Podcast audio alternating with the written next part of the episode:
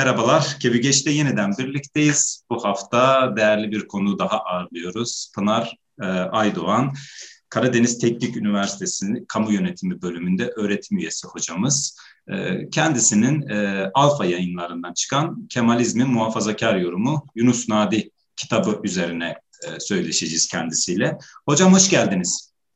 Merhaba, hoş buldum. E, hocam, e, doğrudan sorularıma geçmek e, isterim. E, şimdi e, kitabınız Yunus Nadi üzerine yazılmış bir e, doktora çalışması. E, ilk sorum şöyle olsun. E, neden Yunus Nadi? Neden böyle bir doktora çalışması gerçekleştirdiniz? 2016 tamamladım ben e, doktora tezimi. E, Yunus Nadi her zaman dikkatimi çeken biriydi. Ama çok fazla bir bilgim yoktu. Cumhuriyet Gazetesi ilgimi daha çok çekiyordu. CHP çalışmak istiyordum. Muhafazakarlık CHP ilişkisi çalışmak istiyordum. Oradan böyle taramalar yaparken Yunus Nadi'nin yazılarını çok e, benim tam böyle aradığım şey olduğuna karar verdim. Sonrasında da her çalışmamın iyi ki seçmişim Yunus Nadi. Çünkü çok önemli bir figür. Ee, şimdi bir kere Cumhuriyet Gazetesi'nin adını Atatürk koyuyor. Atatürk'le çok yakın bir ilişkisi var Yunus Nadi'nin.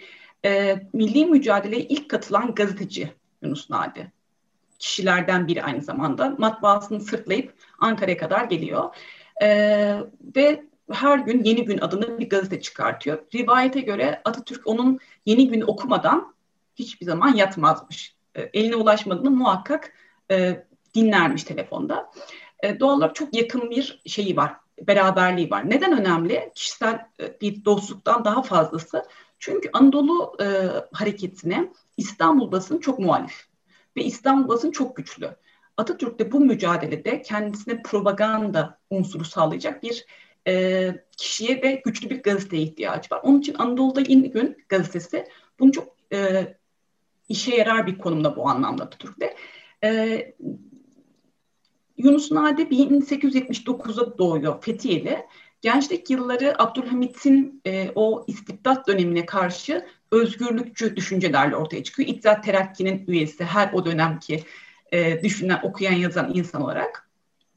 E, çok küçük yaşta gazetecilik yapmaya başlıyor. Daha sonra işte bu e, Ankara paslığından sonra e, Cumhuriyet'in kurulacağı yaz, yani 23'ün yazında bu e, Cumhuriyet'in ilan edilmesi saltanat yani bu Anadolu hareketine karşılık hala İstanbul basın güçlü. İstanbul basını demek aslında İstanbul hükümetini de sayabiliriz aynı zamanda. E, Atatürk birkaç girişim oluyor. E, bu basını ikna etmek için başarılı olamıyor. Bunun üzerine en son e, Yunus Nadi'yi çağırıyor ve diyor ki seninle bir gazete çıkartalım. Hatta sana İttihat Terakki'nin kırmızı konağını vereyim İstanbul'da, Babali'de. Orada Cumhuriyeti bir zihniyet kalesi yarattı diye böyle ismini de Atatürk koyuyor ve Yunus Nadi şey diyor bu iş için ben biçilmiş bir kaftandım. Ee, çok büyük yani Yunus Nadi tanımlarken inanmış bir cumhuriyetçi diyebilirim. sonuna kadar, ömrünün sonuna kadar bu, buna çok gönülden inanmış. Cumhuriyetle milli hakimiyet, cumhuriyetle demokrasi, cumhuriyetle CHP'yi ve cumhuriyetle halkı bir bütün gören bir e, yazar Yunus Nadi. Bir iki bir şey daha söyleyeyim Yunus Nadi hakkında. Ee, Anadolu Ajansı'nı geçenlerde kuruluşunu kutladık. Anadolu Ajansı'nı kuran kişilerden biri Yunus Nadi. Yine bu e, milli mücadeleye bir propaganda unsuru sağlamak için kuruyor. E, güçlü bir figür. E, mesela heyet temsiliyle İstanbul hükümet arasında bir anlaşmazlık olduğunda araya uzlaşmacı olarak Yunus Nadi giriyor. Atatürk'le İstanbul hükümetini birleştiriyor. E, bu anlamda e, Atatürk'ün her e, inkılabından önce ona haber veriyor. Mesela yazılı inkılabı yapılacak. Yunus Nadi önce kamuoyunu bir hazırlıyor bu fikre. Ondan sonra e, yenilikler oluyor. Yani hem gazeteci olarak rejimin kurumsallaşmasına, kökleşmesine çok ciddi bir unsur. Hem de milletvekili aynı zamanda ideolojik olarak da Kemalizmin ideolojileştirilme sürecinde de e, bu resmi ideolo ideolog görevini çok iyi görüyor. Yani Kemalizmi aslında Yunus Nadi'nin düşünceleri üzerinden çok net okuyabiliriz. Evet. E, son olarak şöyle söyleyebilirim. 1945'te vefat edecek Yunus Nadi ama e, aktif siyasal hayat 43'te son bulacak. Çünkü İnönü ile 38 sonrası Yıldız hiç barışmayacak. Ee, onun için Atatürk'le ilişkisi var. Ondan sonra 38'den sonra siyasetten daha geride. Oğlu Nadir Nadir daha etkin olacak. Ee, onun için zaten kitap sınırlamanda 1929-1938 arasını e, aldı. Evet. Peki hocam e, kitabınızın başlığı da aslında ilgi çekici. İki kelimeyi yan yana getirdiğimizde biraz e, nasıl olur gibisinden insan düşünüyor değil. Kemalizm ve muhafazakarlık diyorsunuz. Bununla kastettiğiniz şey e, nedir acaba? Ee, şimdi ben bu e, yani Türk modernleşmesi okumaları yaptığımızda literatürde genelde e, iki bakış açısını görürüz. Kemalizmi yorumlayan. Bunlardan bir tanesi e, Kemalizm bir Türk aydınlanması olarak görür. Yani onun radikal, e, radikal oluşu, işte inkılapçılığı, devrimciliği, Jacobenliği bunları ön plan tutar ve tamamen toplumu değiştirmeyi aklına koyan bir e, siyasal bakıştır diye düşünür. Türk aydınlanması olarak görür. Bir diğer e, görüş ise aslında bu resmi görüşün tam karşısındadır ve daha eleştirel bakar. Ve bu gör evet bunları kabul eder. Bu Jacobenizmi vardır, ilerlemecidir, işte e, pozitivisttir. Bu bakış açısının dışında onun muhafazakarlığın temel kabulleriyle ortak olan birçok noktası olduğunu söylerler. Ama çok uzun yıllar Türk siyasal yaşamında biz muhafazakarlığı dinsel düşünceyle beraber algıladığımız için e, Kemalizmin de dinle olan ilişkisi kamusal alanda e, laiklik üzerinden şekillendiği için bunun bir görme kaybına sebep olduğu söylenir. Yani bu muhafazakar kabulleri, muhafazakar düşüncenin ana temalarını görmekte e, zorlanmasına sebep olduğu söylenir. İşte, işte ben bu e, literatürdeki ikinci tezin üzerine kurdum tezimi. Bu, bu görüşü referans aldım. Ve Yunus Nadi de bu anlamda yani bir Yakup Kadri değil, bir Falih Rıfkı Atay değil. Çünkü onların farklı bakış açıları oluyor. O Kemalist düşünceli çok net gidemeyebiliyorlar. Daha inönücü tarafları olabiliyor. Ama e, ben Atatürk'ün yaşadığı dönemde de o Kemalizmin e, en uygulanır halini Yunus Nadi üzerinden çok e, kolay okunabileceğini düşünüyorum. Yani hani Kemalizmin halkçılık düşüncesi slash Yunus Nadi'nin halkçılık düşüncesi diyebilirim. Hiçbir e, farklı ayrım görmedim bu noktada. Görmediniz. Peki hocam e, Yunus Nadi e, Kemalist köy, köylücülük anlayışını savunurken özellikle hangi temalar üzerinden gidiyor? Şimdi aslında Kemalist halkçılık söylemine baktığımızda köycülük bunun çok önemli bir şey, kısmını oluşturuyor.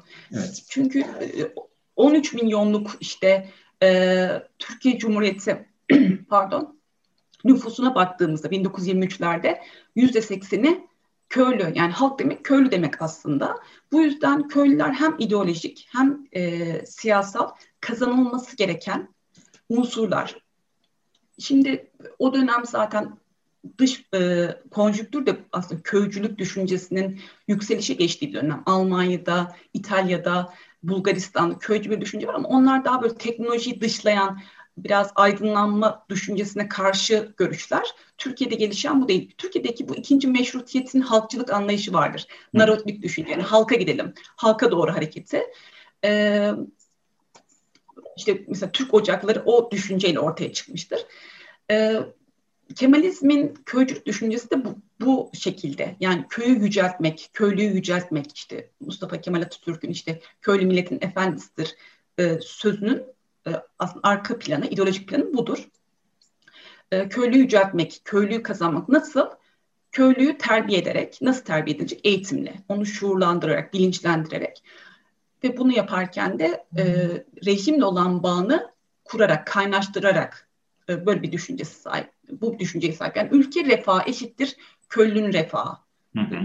Görülmeyecek bir e, göz ardı edilecek bir durum söz konusu olamaz bu noktada. Şimdi e, kö, çok önemli bir köylü imgesi var. Yani temiz pınarlar gibi saf, bozulmamış insan unsuru köylüler. Şimdi bu anlamda inanılmaz bir yüceltme var. Ama diğer anlamda baktığımızda köylünün terbiye edilmesi. Terbiye edilme e, fiili çok e, hiyerarşik bir şey yani terbiye edici olacak öyleyse bir de terbiye edilen. Bu o e, Kemalist düşüncenin o elitist bakış açısını da ortaya koyan bir şey aslında. E, hem seçkinci bir dil yani e, hem çok değerli, çok temiz ama hem terbiye edilmesi gerekiyor.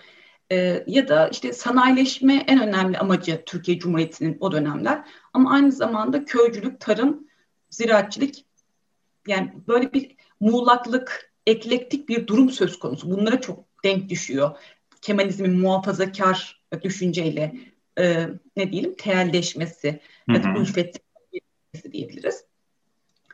E, Nadi'nin en temel şeyi şey köylülerin eğitimi. Yani kalkınma nasıl olur? Milli kalkınma nasıl olur? Köylünün eğitilerek, köylüyü eğiterek olur. Hani bu 60-70'lerin solcuları kalkınma düşüncesinin nasıl olacağı üzerinden ayrışıyorlar ya. Hı hı. İşte o dönemin e, düşüncesi eğitim. Milli kalkınma ancak eğitimli olabilir.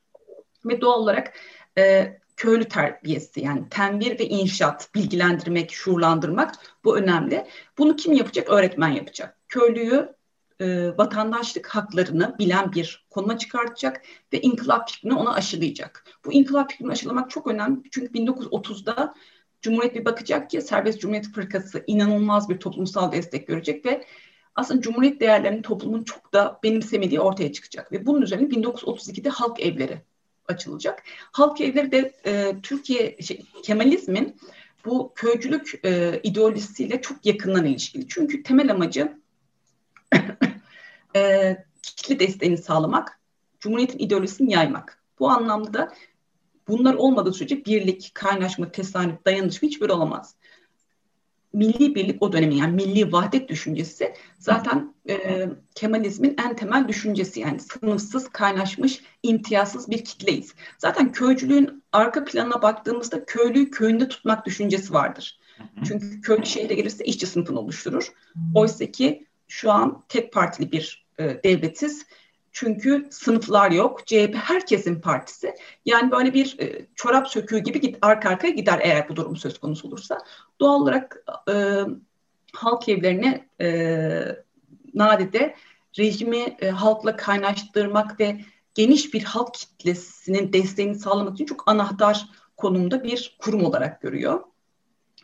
Şimdi burada şu da var. Bu demin saydığımız yani birleşmiş bir toplum topyekun bir kitle, milli bir camia, milli vahdet. Bunların hepsi aslında topluma vurgu yapıyor. Yani toplumun tamamı bireyden daha büyük. Birey tek başına toplumun dışında hiçbir anlamı yok. Hı hı. Bu da bizi aslında bireyin, yani toplumun bireyi e, öncelediği bir e, toplum düzenine çıkartıyor. Yani Kemalist topl- halkçılık anlayışı aslında birey değil daha toplumu ön plana çıkartan bir şey. E, bu da muhafazakarın bu e, organizmacı toplum anlayışıyla çok e, bağlantılı. Yani birey toplumun içinde yoksa yok. Önemli olan toplum. Bunu şurada da göreceğiz. Mesela halk evlerin açılışında Yunus Nadi şunu diyecek. E, bab- babaları yani halk evinin babası Atatürk'tür, ağabeyi İnönü'dür. Şimdi bunu mesela Serbest Cumhuriyet Fırkası'nda da söyleyecek. Hı hı. Onu bahsederken de söyleriz. E burada şu böyle paternalist bir vurgu da var aslında. Hı hı. Yani halk, çocuk, onun babası, abisi var. Böyle bir bu anlamda o rasyonel, liberalizmin rasyonel birey, yani somut siyasal alana hazır birey düşüncesi yok bu anlamda. Hı hı. E, toparlayacak olursak, e, bunu Serbest Cumhuriyet Fırkası'nda göreceğiz. Halkın önce siyasal alana katılabilmesi için rüştünü ispat etmesi, şuurlanması e, gerekiyor. Yoksa demokrasi için çok erken. Peki hocam e, biraz böyle farklı bir alana gidersek yine Yunus Nadi üzerinden. Cumhuriyet Gazetesi Cumhuriyet'in ilk güzellik yarışmasını düzenliyor. Bu olay kadının özel alandan çıkarılıp kamusal alanda görünürlüğünün önemli ve cesur adımlarından da biri oluyor e, kadınların kamusal alandaki varlığı ve siyasi haklarına büyük önem veren Kemalizmle değişen konumunu e, Nadi nasıl yorumluyor, nasıl değerlendiriyor? Şimdi Türk modernleşmesinin en modern simgesi kadın. Hı hı. Ee, 1929'da Cumhuriyet Gazetesi bir güzellik yarışması düzenleyecek. E, şimdi öncesinde Yunus Nadi aslında şunu söylüyor. Kemalist rejim de bunu söylüyor. Bir, e, Orta Asya'dan beri Türk, Türkler kadına çok değer verirler. Bu değerini kaybetmesi tıpkı köylülerde olduğu gibi suç Osmanlı'dır. Çünkü e, Türk geleneklerine uzaklaşmıştır, İslam yanlış yorumlamıştır ve Arap Acem kültürüne tabi olmuştur. Biz bunu biz hem köylüyü hem kadını kurtardık buradan diye. Hı hı. Yani modern kadını modern cumhuriyet yaratmıştır. Şimdi Nadi'nin e, kadına bakışında iki ikiye ayırabilirim. Birincisi bir kere çok samimi bir şekilde siyasal hakların verilmesini sonuna kadar destekleyen biri. Yani bu konuda e, hakkını teslim etmek lazım. E, mesela kadına e, e, siyasal haklar verileceği zaman erkek vekiller şöyle kısık seslerle de olsa kulis yapıyorlar. Öyleyse askere de gitsinler madem hakları var diye. Ama Yunus Nadi mesela bunları prim vermiyor böyle düşüncelere. Şimdi e, güzellik yarışmasının düzenlemesindeki temel unsur şu. Evet kadın pilot olarak Cumhuriyet'le beraber kamusal alanda var, öğretmen olarak, vekil olarak, işte avukat olarak her her e, meslek grubu olarak var. Ama e, güzellikle yani bedeniyle ortaya konması çok özel bir şey. Hmm, ama buna buna çok vurgu yapmıyor aslında. Çünkü orada cinsel olarak da bedenin ortaya konması var. Yunus Nadi buna vurgu yapmıyor. Bunu milli bir görev olarak adlandırıyor. Çünkü podyumda salınan kişi güzelliğini değil aslında modern cumhuriyetin yeni kadınını yaratıyor diyor. Ve bu çok önemli. Mesela Keriman Halis 1932'de hı hı. Türkiye güzeli seçiliyor. Sonra Avrupa güzeli olacak. Yunus Nadi gazetesi e, düzenlediği için Avrupa'da onunla beraber olacak. E, mesela orada şunu söylüyor. Haremden çıkan bir kadın şu an Fransa'nın opera binasında kendini değil, yeni cumhuriyeti gösteriyor. Yani ona çok ideolojik anlamda çok büyük bir anlam yüklüyor ve kadının o görselliği, e, yeni cumhuriyeti anlatıyor. Mesela ona soruyorlar işte kadınlar yurt dışına çok seyahat yapıyor musunuz? Sağlık nedenlerinden dolayı da. Ee, yani şimdi sizin memlekette kadın tek başına yürüyor mu? Tek başına dışarı çıkabiliyor mu diyor. Mesela bunları anlatıyor. Sonra diyor ki e, Gazi bunlar hep senin sayende. Yani Atatürk'ü modern kadının bir yaratıcısı olarak görüyor ve sonuna kadar destekliyor. Bir de diğer kısmını e, göstermek istiyorum. Bu cinsiyetçi bir kısım. Yani erkeğin her zaman kadın nasıl olmalıdır sorusu vardır ya böyle ataerkil toplumda. Hep kadın bir tanımlanır, nerede durması gerektiği söylenir. Bu nadide de var. Çünkü evet kadın pilot olsun, güzel yarışmasına katılsın, avukat olsun, şey olsun ama bir dakika. Esas görevleri var onun. Nedir bu? Bir ailenin temeli. Yani medeniyetin anası olarak görüyor ve e, nüfus politikası da olduğu için çocuk doğurmak kadının en temel vazifesi bu çocukları sağlıkla büyütmek aynı zamanda sadece çocuk doğurmak değil. Çünkü bunlar vatana asker olacaklar. Yani doğal olarak kadının toplumsal yeriyle milliyetçilik çok bağlantılı bu anlamda. Sadece bu görünmüyor. Ee, kadın nasıl bir kadın olmalı? Mesela İstanbul kadın, Anadolu kadın ayrımı var. Burada da Anadolu kadını fedakar, cefakar, hı hı. E, kadın, kadın böyle olmalı. İstanbul kadını gibi olmamalı. Yani süslü modayı takip eden bir kadın olmamalı. Bun, bununla tanımlıyor. O seçkinci dilin yanında bir de cinsiyetçi dil söz konusu. Muhafazakar düşünceyle benzeşen bir noktası da şurası. Şimdi o dönemlerde tasarruf haftası haftaları düzenleniyor Aralık ayında. Tasarruf çok önemli. Ee, kız enstitüleri kuruluyor. Bu e, kadın yani köylü eğitimi, kadın eğitimi çok önemli hali için. Mesela bu e, köy e, kız enstitülerine şundan bahsediyor. Kadınlar burada batının tekniğini alarak, eğitimden geçerek bir bilgi alacaklar. Ama batının tüketim alışkanlıklarına uzak durarak, bakın o tekniği alalım, kültürü almayalım vardır ya batılılaşmada hep. Mesela Nadide bu çok net olarak görülür. O tasa, e, tüketim kültürünü almayarak tasarruf yaparak. Yani aslında kadın ailenin de temeli, ekonominin de temeli. Çünkü tasarrufu kadın yapar. Bu anlamda kadına aslında büyük roller yükleniyor toplumsal alanda da. E, tasarruf da bu anlamda kadının. Yani to, bu konuda da böyle bir e, Nadim'in görüşlerini toparlayacak olursak ailesinin varlığını, sağlığını devam ettirecek görev kadına ait. Koruyabilecek görev yani ev kadınına ait. Çocuklar yetiştirmek, askerler yetiştirmek Zaten bunlar başlı başına büyük görevler. Buradan sonra kamusal alana çıkmak için ne zaman kalacak o da ayrı bir tartışma konusu. Ama genel olarak şunu da söyleyeyim. Şimdi Kadınlar Birliği var. Aslında Osmanlı'nın son dönem ikinci meşrutiyetten sonra çok ciddi bir kadın hareketi var Osmanlı'da. Ama Kemalist bu kadın hareketi biraz kendiyle başlatıyor e, kadın hareketini. Nadide böyle. Oysa ki Nezihe Muhittin örneği var mesela. Kadınlar Halk Fırkası'nı kuracak kadar radikal bir kadın hareketi var. Ama mesela burayı yok sayıyor. Yani her şeyi işte 1923 ile başlatıyor. Ee, ama her, yani aslında Cumhuriyet o cumhur inanmış cumhuriyetçi yapısı Nadiye e, onun üzerinden kadın haklarında savunan bir e, yöne çekiyor. Yani burada hakkını yemek lazım evet. o anlamda. Peki hocam son soru olarak e, bir de çalışmanızda dikkat çektiğiniz şimdi 1930'lu yıllardan sonra yani 30 yılından sonra daha doğrusu Serbest Cumhuriyet Fırkası kuruluyor ve çok partili hayata geçiş denemeleri başlatılıyor ama işte tabii ki başarılı olamıyor. Bu süreçte Nadi gazete ile çok aktif bir rol üstleniyor bu süreçte. Hı hı. E, ve bu yöne, yeni dönemde de işte demokrasi, liberalizm, muhalefet gibi kavramlara ön plana getiriyor, tartışıyor. E, acaba Nadi bu kavramların kendisine nasıl bakıyor, nasıl değerlendiriyor, nasıl ele alıyor? Ee, şimdi aslında Cumhuriyet'in kurulduğu dönemler kötü bir siyasal miras alıyor.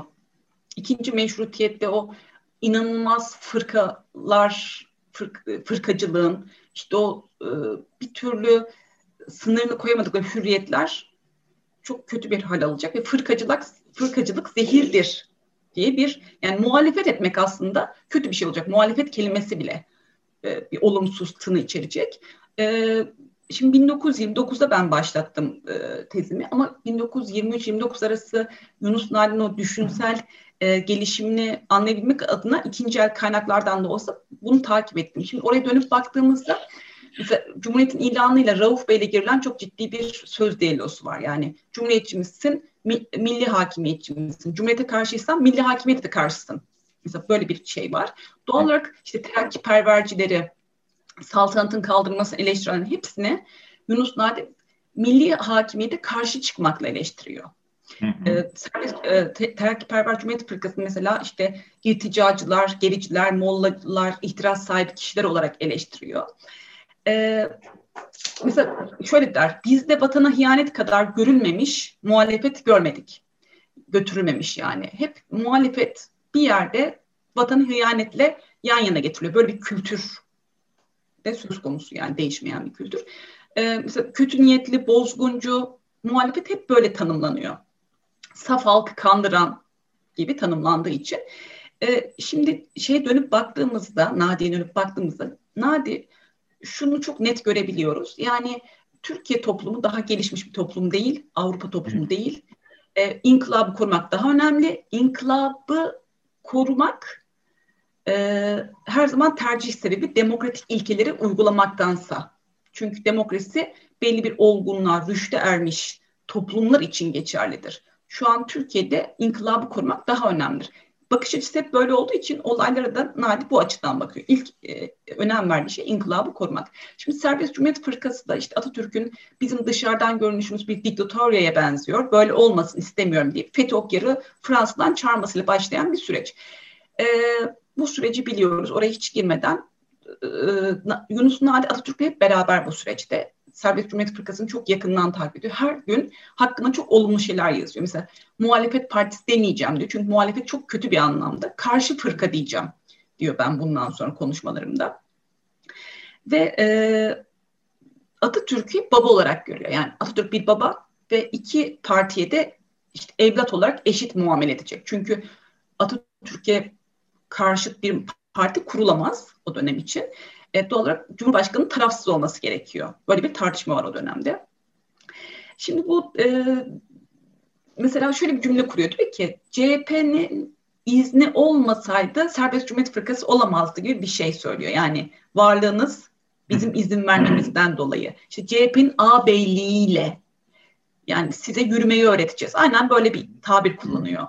Ee, doğal olarak zaten bakış açısı şöyle yani rejimin sahibi biziz biz Yönetim bizim elimizde. Biz size bir tık bahşettik aslında. izin verdik, tasvip ettik kurulmanız tarzı bir bakış açısı var ama uzun süre çok ılımlı bir yaklaşım olacak e, Yunus'tan. Ta ki İzmir'deki e, İzmir olaylarına kadar Serbest Cumhuriyet Fırkası toplumun çok büyük bir destek gördüğü için çok hızlı bir teşkilatlanmaya girecek.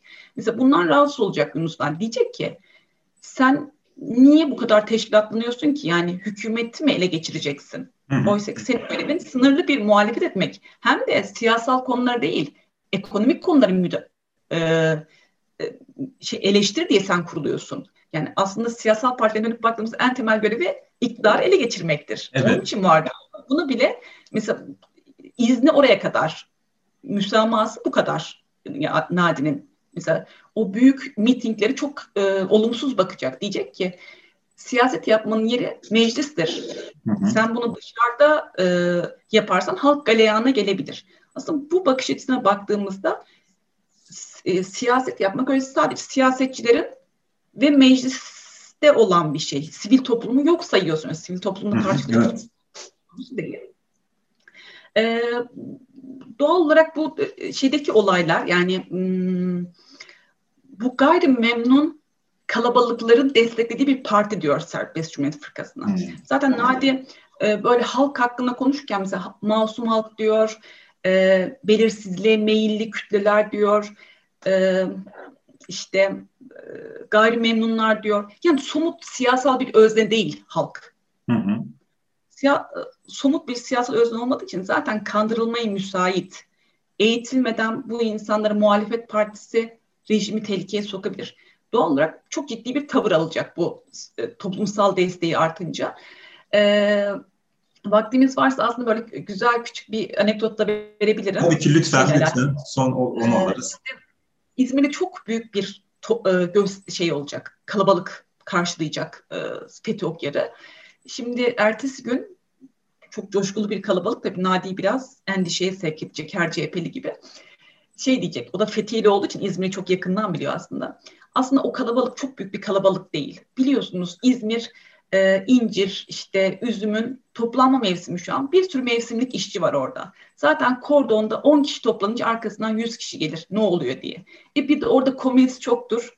Ameleyi kandırmış, coşturmuşlardır. Yani Serbest Cumhuriyet Fırkası'nın topladığı kalabalık bu kadardır der mesela. Yani bir türlü arkadaki toplumsal desteği göremez. Yunus Nadi'yi göremez demek haksızlık etmiş olurum. Görmek istemez. Evet. E, ve bu İzmir'de CHP'nin de şeyi taşlanacak, genel merkez falan taşlanınca Yunus Nadi Atatürk'e o tarihi mektubunu kaleme alacak. Gazetesinde yayınlayacak. Siz e, Cumhuriyet Halk Partisi'nin işte genel başkanısınız. Bu duruma ne diyorsunuz? tonunda bir mektup yazacak. Atatürk de ertesi gün cevabını gönderecek. Diyecek ki benimle CHP'nin ebedi bir bağ vardır. Bu bağı kesmek için hiçbir neden görmüyorum. Bu aslında Fethi Okyar'a çok net bir e, ışık olacak. Atatürk'e rağmen partiyi devam ettiremeyecek. Yani desteğini çektiğini anlayacak ve Serbest Cumhuriyet Fırkası'nı feshedecek bir üç aylık dönemden sonra. Evet. Ee, yani dönüp baktığımızda ve toparlayacak olursak muhalif düşünceler in, inkılap düşmanlığı olarak bakıyor Yunus Nadi. Ee, inkılabı kurmak çok önemli. En ufak bir şey. Mesela diyor ki e, cumhuriyet yani hürriyet cumhuriyetle son bulur. Cumhuriyeti saldıran hiçbir hürriyeti kabul etmiyorum der. Al işte mesela sınıf esaslı partiler kurulsun istenir diye kulağıma geliyor Türkiye'de. Ya da işte saltanat ta, e, tasvip eden. Hayır bunlar kurulamaz Türkiye'de. Çünkü Avrupa'da normal bir e, hayat var. Yani e, kitaplardaki o evrensel değerler evet Avrupa gibi bir toplumda olabilir. Ama Türkiye'de yeni bir inkılap var. Bu inkılabın korunması için zaman var demokrasiye geçmek için. Yani hemen demokrasi olmaz. Yani bu demokrasi denizde yüzerek öğren hani denizde yüzerek öğrenirsin ya yüzmeyi. Hani demokrasi de öyle bir şeydir aslında. E, buna çok hoş bakmıyor. Yani çok katı e, kuralları var Cumhuriyeti koruma konusunda. Ve e, toparlayacak olursak bu şeyi e, soruyor. E, halk mesela halk hakkında şöyle söylüyor. Diyor ki bizim köylü aslında özünde şekil alması çok kabiliyetli, çok kolay bir hamurdur. Hı hı. bizim eğitimimize, bizim öğretmenimize ve bizim istediğimiz şekli alacaktır. Yani burada çok yüksek bir seçkinci dil var. O halka o şekli verecek, o terbiyeyi verecek. Ve doğal olarak da terbiye edilene kadar, o istenilen şekle gelene kadar demokrasi bekleyebilir.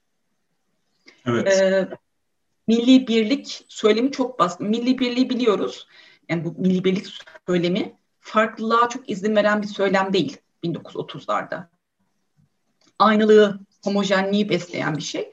Doğal olarak da farklılık rejimi olan demokrasinin bu zihniyette devam etmesi, şekillenmesi, güçlenmesi zor. Zor diyor. Evet, e, bugün Kebigeç'te Karadeniz Teknik Üniversitesi öğretim üyesi Pınar Aydoğan'ı konuk ettik. Alfa yayınlarından çıkan Kemalizmin Muhafazakar Yorumu Yunus Nadi kitabı üzerine söyleştik. Değerli hocam çok teşekkür ediyorum. Çok istifade ettik. Var olasınız, sağ olasınız. Ben teşekkür ederim. Sağ olun.